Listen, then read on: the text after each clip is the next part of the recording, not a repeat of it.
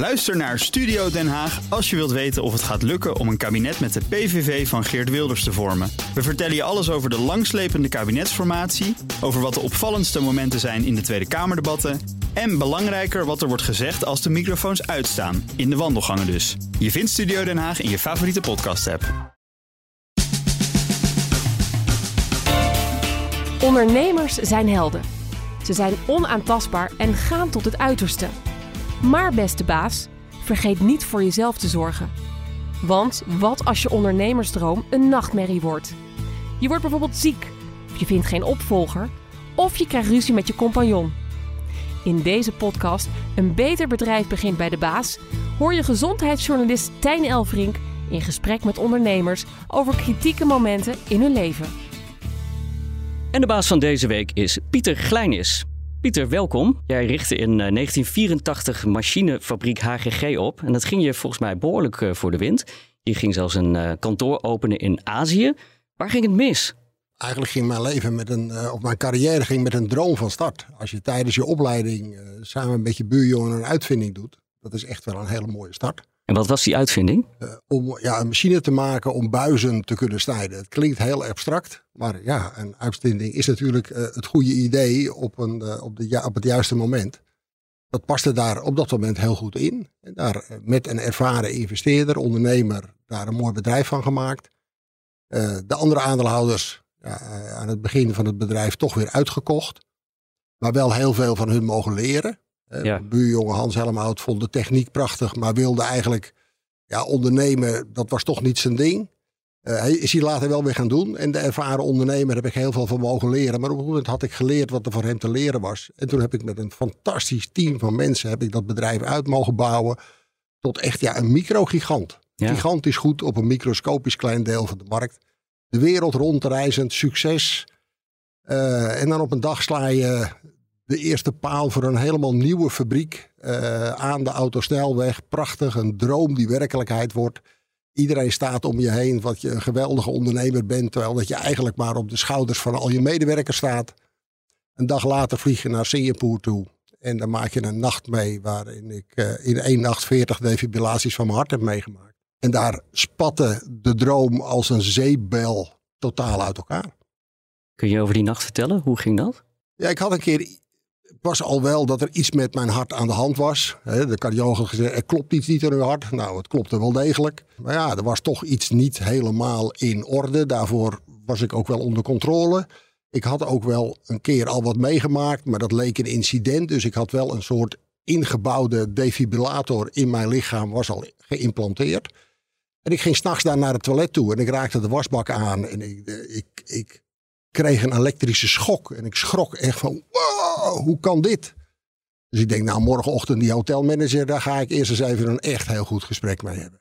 Ik lag weer in bed en ik heb op natuurkunde ook wel een beetje opgelet. En ik denk, ja, stenen wasbak, niet nat. Hmm. Ja, zou het dan misschien mijn ICD zijn wat me een schok heeft gegeven? En uh, twintig minuten later kreeg ik weer zo'n schok. Nou, toen schrok mijn vrouw ook wakker. En uh, toen gaan bellen gelukkig iemand uit het ziekenhuis die daar. Uh, ik belde met het ziekenhuis in Leiden, die bekend was in die omgeving, die me ook meteen kon adviseren naar welk ziekenhuis ik toe moet. in Singapore is de gezondheidszorg gelukkig op een uh, geweldig niveau. En die nacht kreeg ik dus een elektrische storm in mijn hart. En een elektrische storm betekent dat je, dat je hart continu helemaal uit ritme gaat. Dus een hartslag van 2, 3, 400. Waardoor eigenlijk de pompfunctie van het hart wegvalt. En je buiten westen raakt. En dan krijg je zo'n elektrische schok. Wat de meeste mensen op tv zien met twee van die strijkijzers. Die nacht is in mijn Singapore, ja, is, is mijn leven totaal veranderd. Mijn leven is er gered.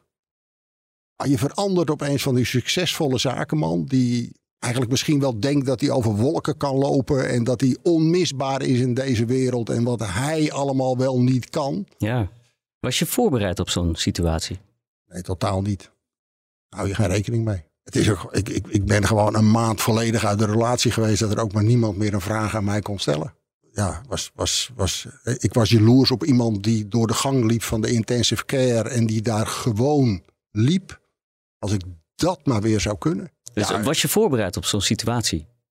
Nou, eigenlijk meer ja, met geluk.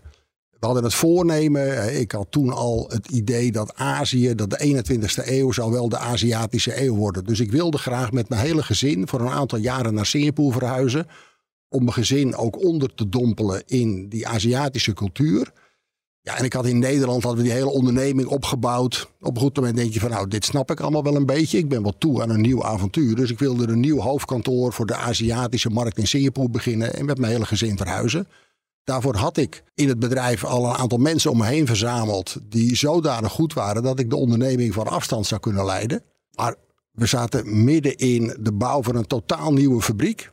Een snel groeiend bedrijf. Ja, en als, als je dan zo'n bedrijf opeens los moet laten.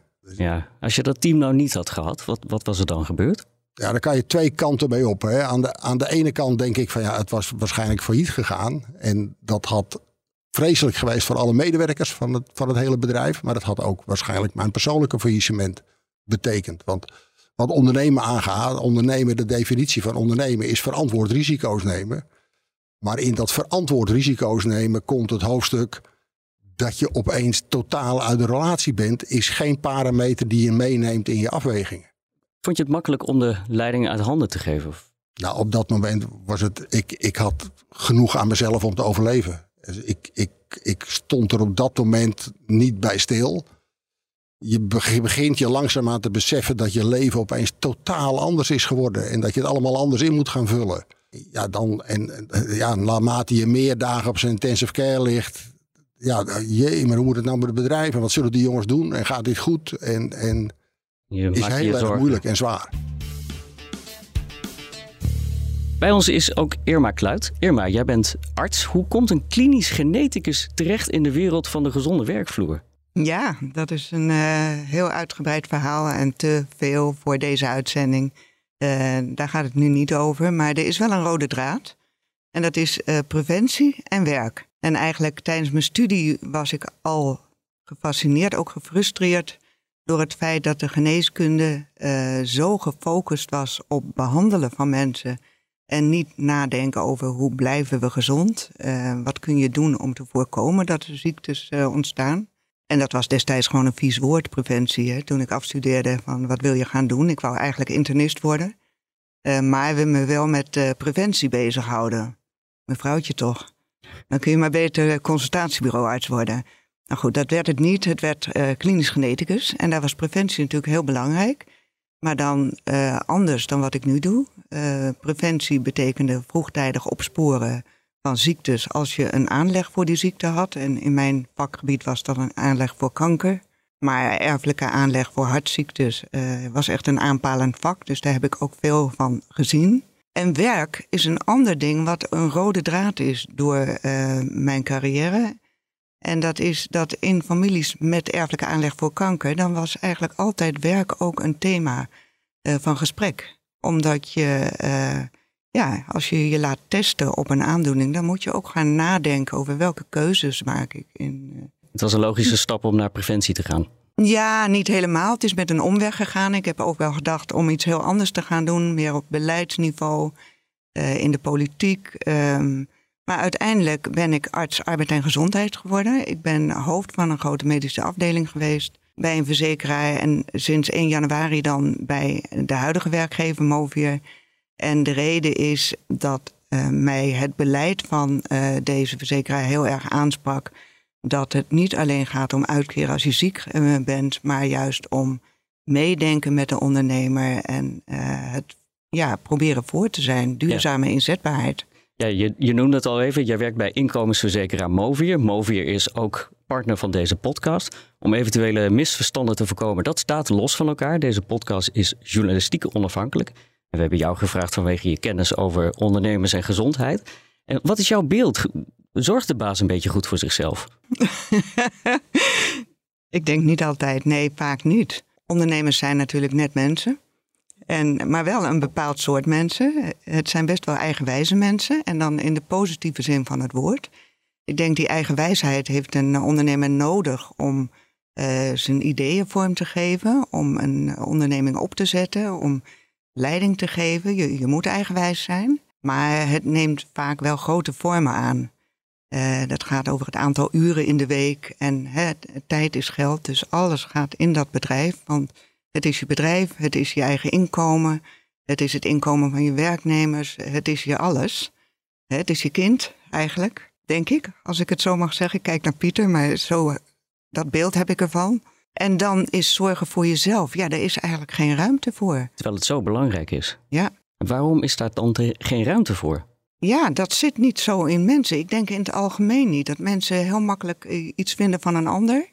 Maar kijken hoe ze zelf uh, in het leven staan, hoe ze zelf functioneren. Dat, kennelijk hebben we daar niet een goede blik voor. Ik denk dat het in het algemeen goed is om af en toe eens in de spiegel te kijken en stil te staan. En luisteren naar je eigen ademhaling en je hartslag voelen. En voelen wat er in je hoofd omgaat en in je buik.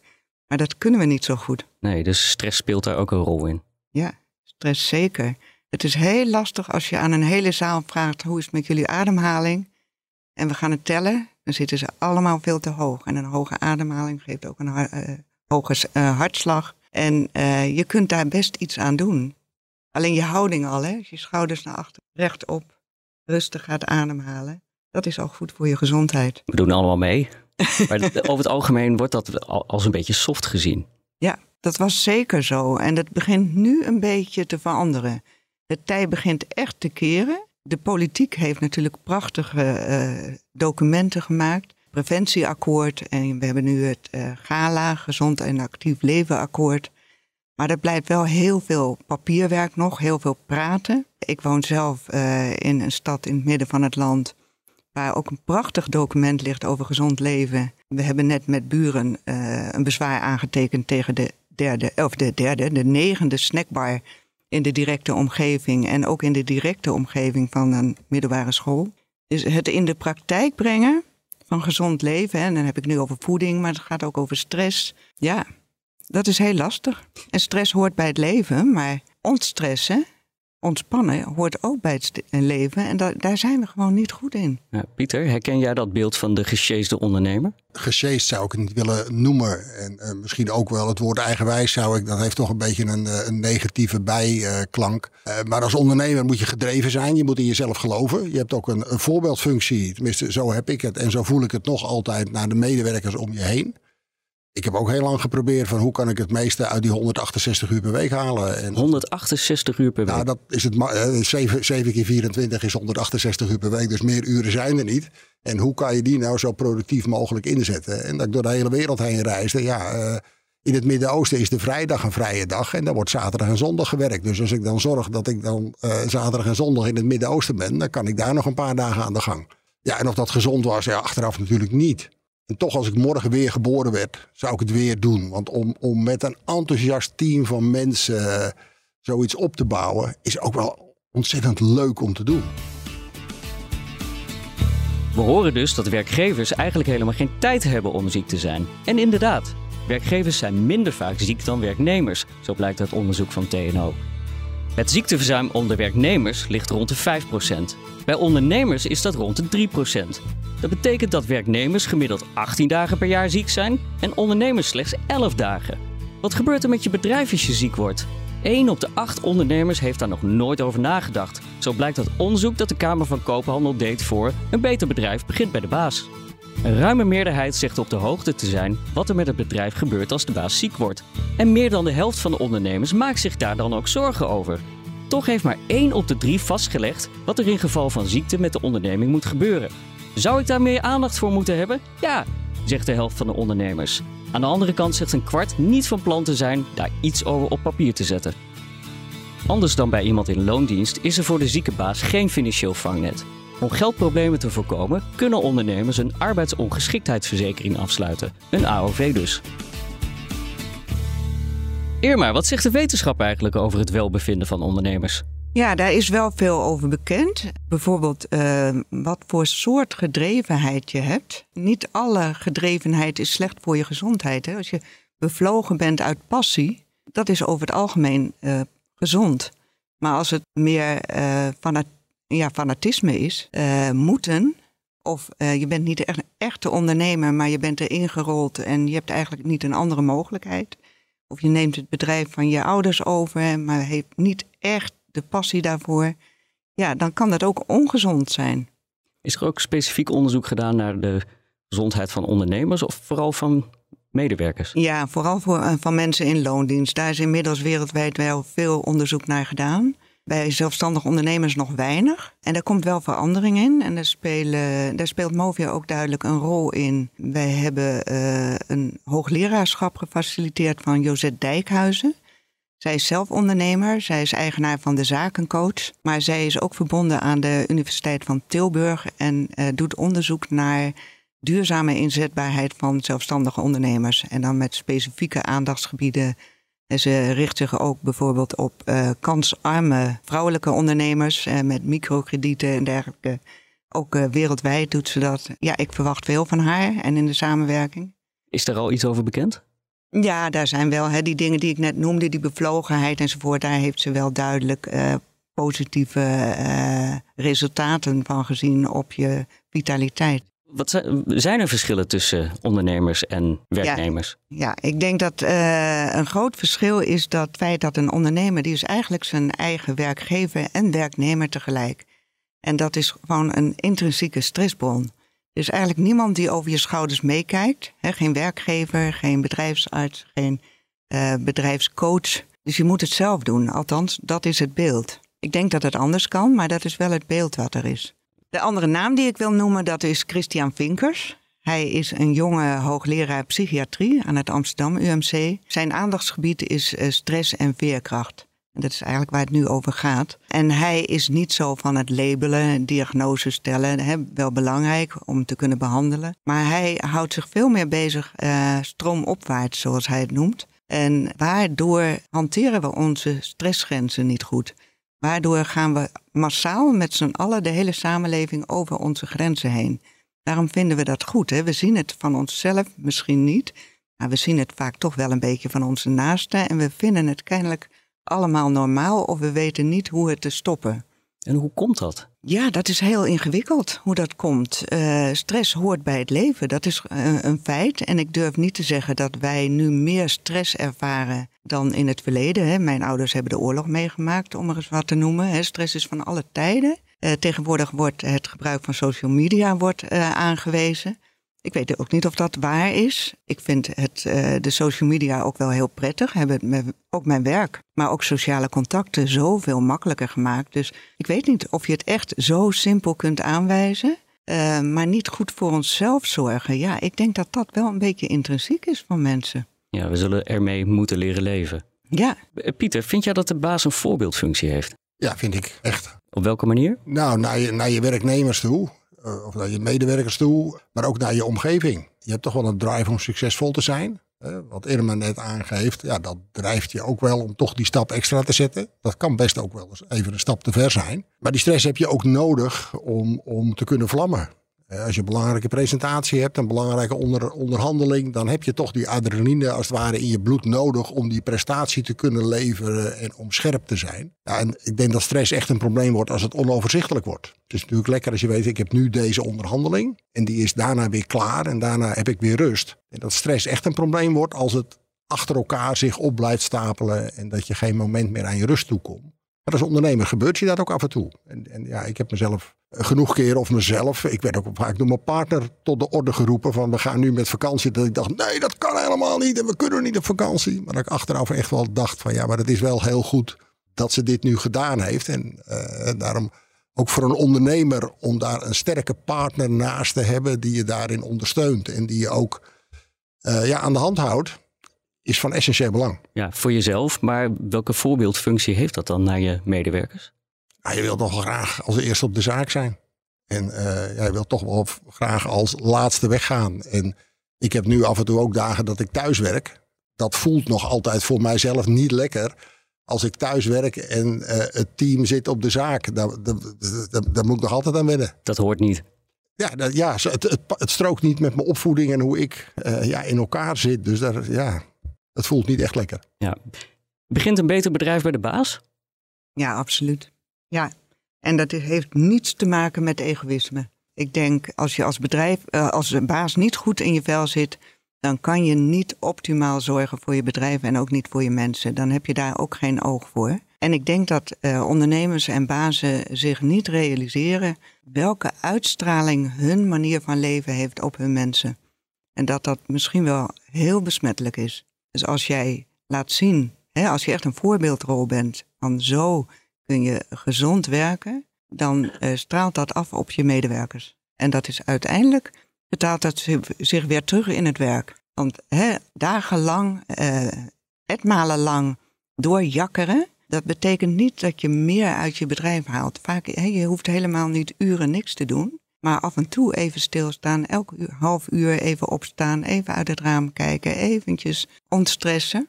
Even je hartslag voelen, je ademhaling luisteren. Dat levert al zoveel winst op. Deze journalistiek onafhankelijke podcast hadden we niet kunnen maken zonder onze partners, Movier en de Kamer van Koophandel. Ook zij hebben drie praktische tips voor de baas. Zorg dat je niet voor verrassingen komt te staan. Denk aan de gevolgen voor je bedrijf en je gezin. Zorg voor een plan B, intern en extern. Om de continuïteit van je bedrijf te waarborgen voor als jij ineens ziek wordt of arbeidsongeschikt raakt. Neem als baas jezelf net zo serieus als je bedrijf, je medewerkers en je klanten. Probeer niet alles zelf te doen en sta op tijd stil. En voel wat echt belangrijk voor je is. Praat er eens over met de mensen om je heen en met andere ondernemers. Daar word je als baas nog beter van. Met een AOV van Movier kun je daarbij rekenen op de steun van onafhankelijke coaches die jou begrijpen. Pieter, die nacht die alles veranderde, die ligt inmiddels ver achter je. Hoe gaat het nu met HGG? Ja, ik ben nog ongeveer 40% eh, aandeelhouder in de onderneming. En dat gaat ontzettend goed met de onderneming. Ik ben altijd nog echt ontzettend trots op het, uh, nou vooral op twee mensen. Dat ik ziek werd. Uh, Mark Helder en Jack Kistenmaker. Die ik toen achterliet in een situatie van een snelgroeiend bedrijf. En nog een hele nieuwe fabriek bouwen. En hoe die dat hebben gedaan. Dat is, was een fenomenale prestatie.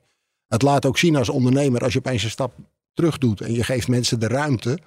Wat voor ongelofelijke capaciteiten mensen kunnen ontwikkelen. Waar je nooit over hebt nagedacht dat, dat het in die mensen zit. En als ik nu kijk, dan hebben we inmiddels ook weer een volgende directiewissel achter de rug. Maar er staat eh, ook weer een jong team van mensen. En als ik, ik geniet ervan om die zich te zien ontwikkelen. En ik ben heel iets anders gaan doen. Eh, maar ik geniet er wel van mee. Het is nog steeds, ik, ik ben vooral trots op het team van mensen wat er in die onderneming zit. En het is altijd nog een gedreven team. En zeg dat het niet mogelijk is en dan gaan wij het doen. Hoe gaat het met jou? Werk je zelf weer? Nou, heel bijzonder was, ik heb tien jaar geleden het meest bijzondere en mooie cadeau in het leven gekregen wat je ook maar kan krijgen. En dat is het hart van iemand anders. En dat heeft mij letterlijk van strompelend achter een rollator naar huppelend en zingend bijna door het leven gebracht. En wat heel bijzonder is, er ligt op dat moment een blanco blad papier voor je. Wat wil je dan verder in je leven? Want je hebt ongeveer eigenlijk overal afscheid van genomen.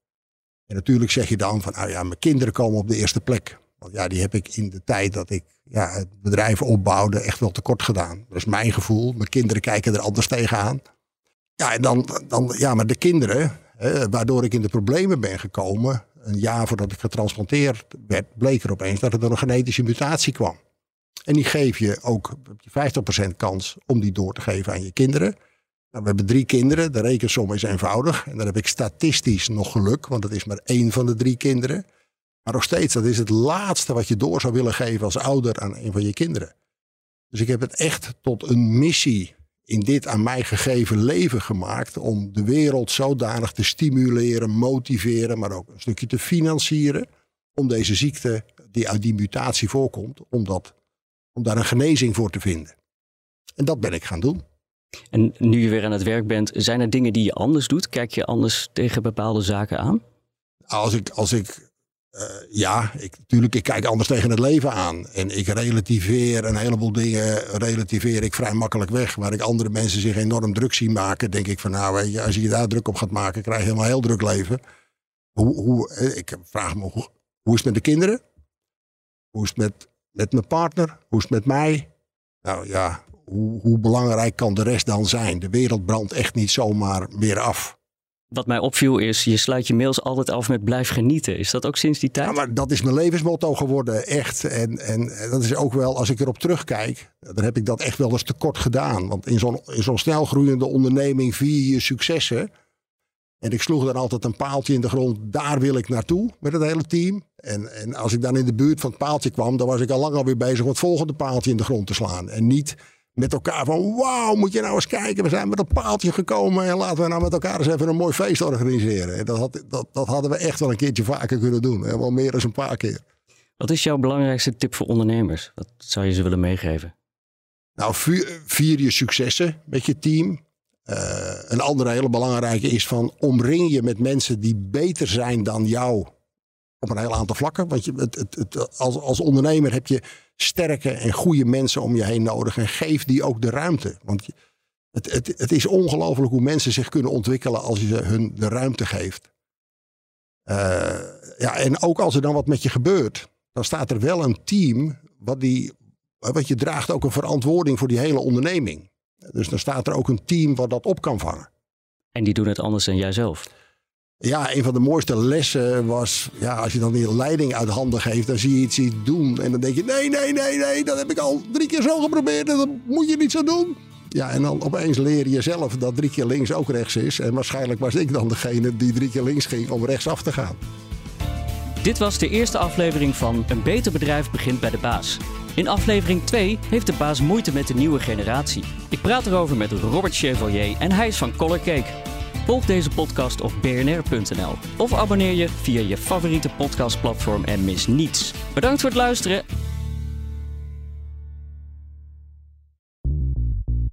Bij BNR ben je altijd als eerste op de hoogte van het laatste nieuws. Luister dagelijks live via internet. Bas van Werven. En heel langzaam komt de zon op rond dit tijdstip. Je krijgt inzicht in de dag die komt op BNR, het Binnenhof in Nederland en de rest van de wereld. De Ochtendspits. Voor de beste start van je werkdag. Blijf scherp en mis niets.